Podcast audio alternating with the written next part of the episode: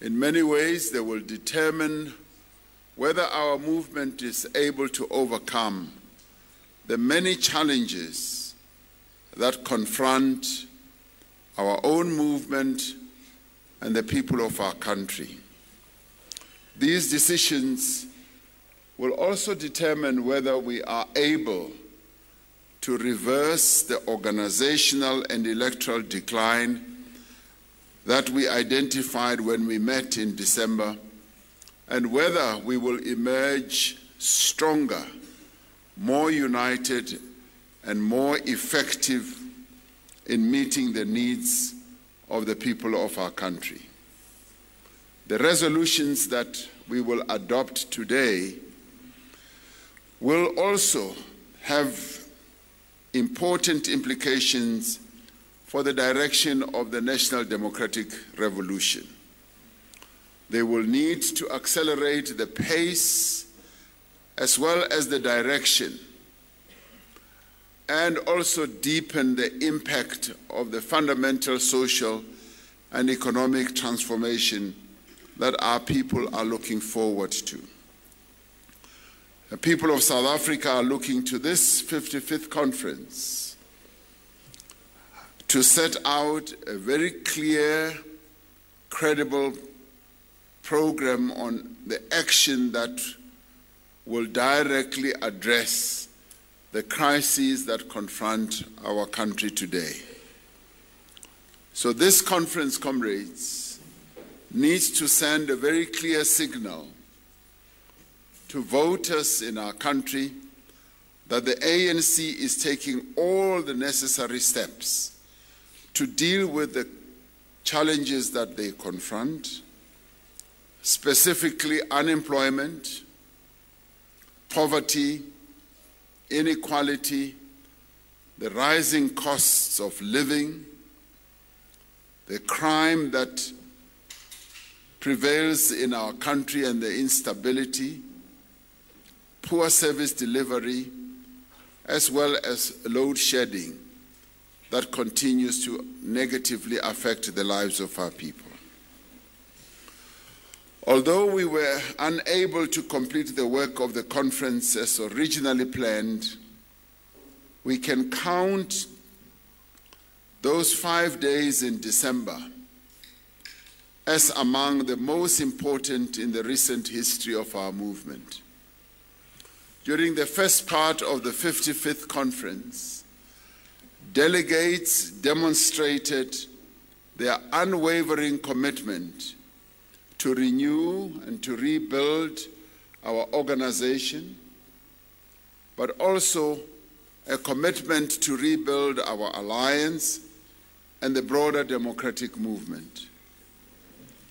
Delegates also resolved to eradicate all forms of factionalism and disunity and other negative tendencies within our organization.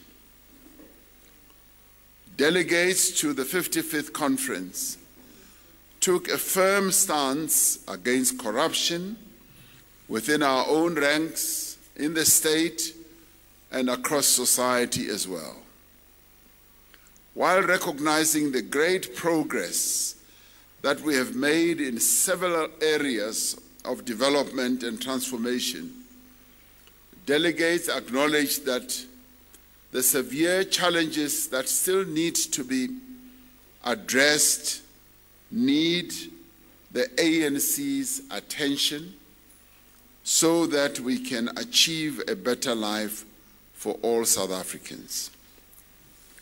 Through the deliberations in commissions, delegates made it clear that we need to proceed with greater urgency, but also with greater purpose to address the challenges that confront our people.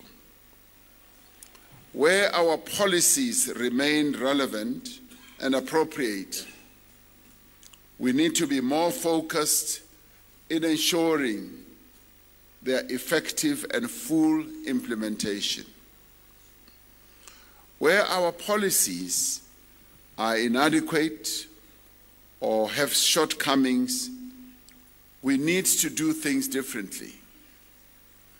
At the core of the tasks identified by conference in December is the need to restore our relationship as a movement with the people of South Africa.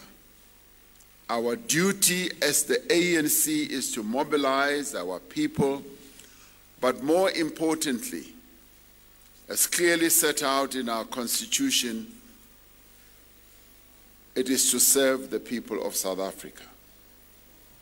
We have said that we need to earn the position of leader of society through our work amongst our people and also to regain the confidence and the trust of the people of this country. Our duty as the ANC is therefore principally to be a servant of the people. We've also said that we need to acknowledge our weaknesses.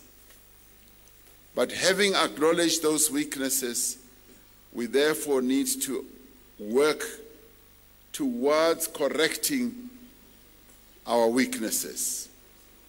That we need to demonstrate humility and honesty and integrity to our people. Our program for this second part of the 55th conference will be intensive. It may be challenging to work across 10 different centers or nine different centers around the country to bring to a conclusion our conference. But I call upon all of us to exercise the patience as well as the understanding as we seek to interact with each other as delegates on an on- online platform that in itself may give rise to many challenges. This may not be the most ideal way to conclude conference, but we are called upon to exercise discipline and to bring a conclusion to this historic conference. So I therefore say in advance, we are traversing uncharted territory. Let us cooperate with one another and have the necessary patience, also with the national chair as he tries the best he can to steer this conference to a conclusion.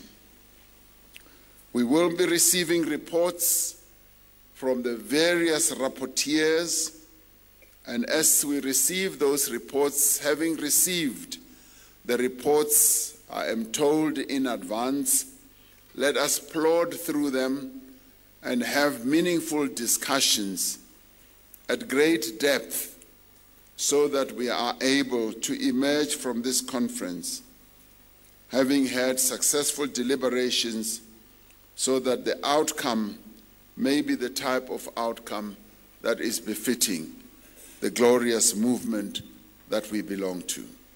So I wish us all great work as we work through.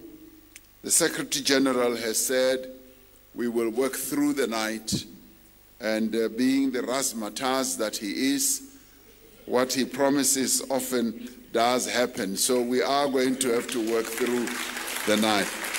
So let us have good deliberations. Amandla.